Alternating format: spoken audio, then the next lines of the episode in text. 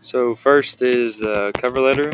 Uh, the purpose for this is like it's kind of your self introduction of sorts, and people would need this document to like I don't know, so you can explain yourself and who you are towards your future employer, possibly. Uh, kind of information. It's like mostly about yourself. It's like you're introducing yourself to someone over paper.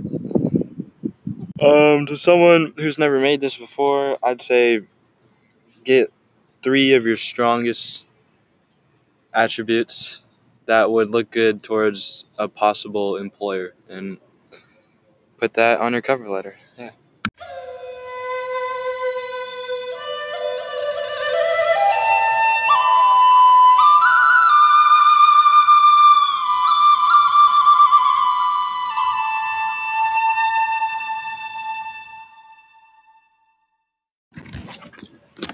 Your resume is basically everything you've done in your life that would be important towards your career up until the point of your interview.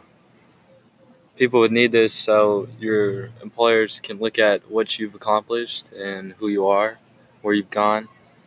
Um, the kind of information it's like where you graduated from, from college, or your prior work experience, things like that.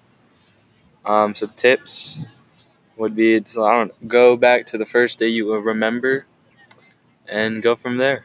So whatever you've done in life.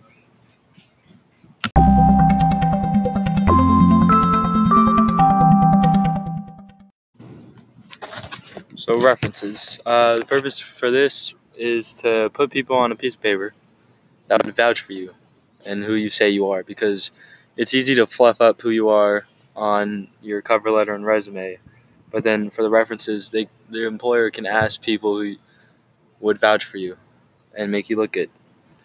Um, the information is just a bunch of people who you know in life that would make you look good towards employers.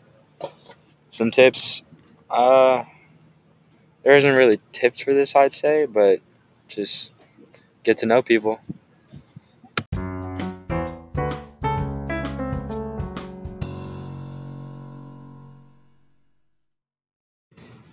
So the interview, I've never been professionally interviewed before, but from the interview experience at Lincoln High, it was honestly weird. Before, I, I wasn't really feeling nervous or anything. And during, it was just like a normal conversation, I'd say. We talked about very random things. It wasn't really a good interview. Yeah. And for future gen- uh, juniors, just look up interview questions and base your answers off that and be prepared.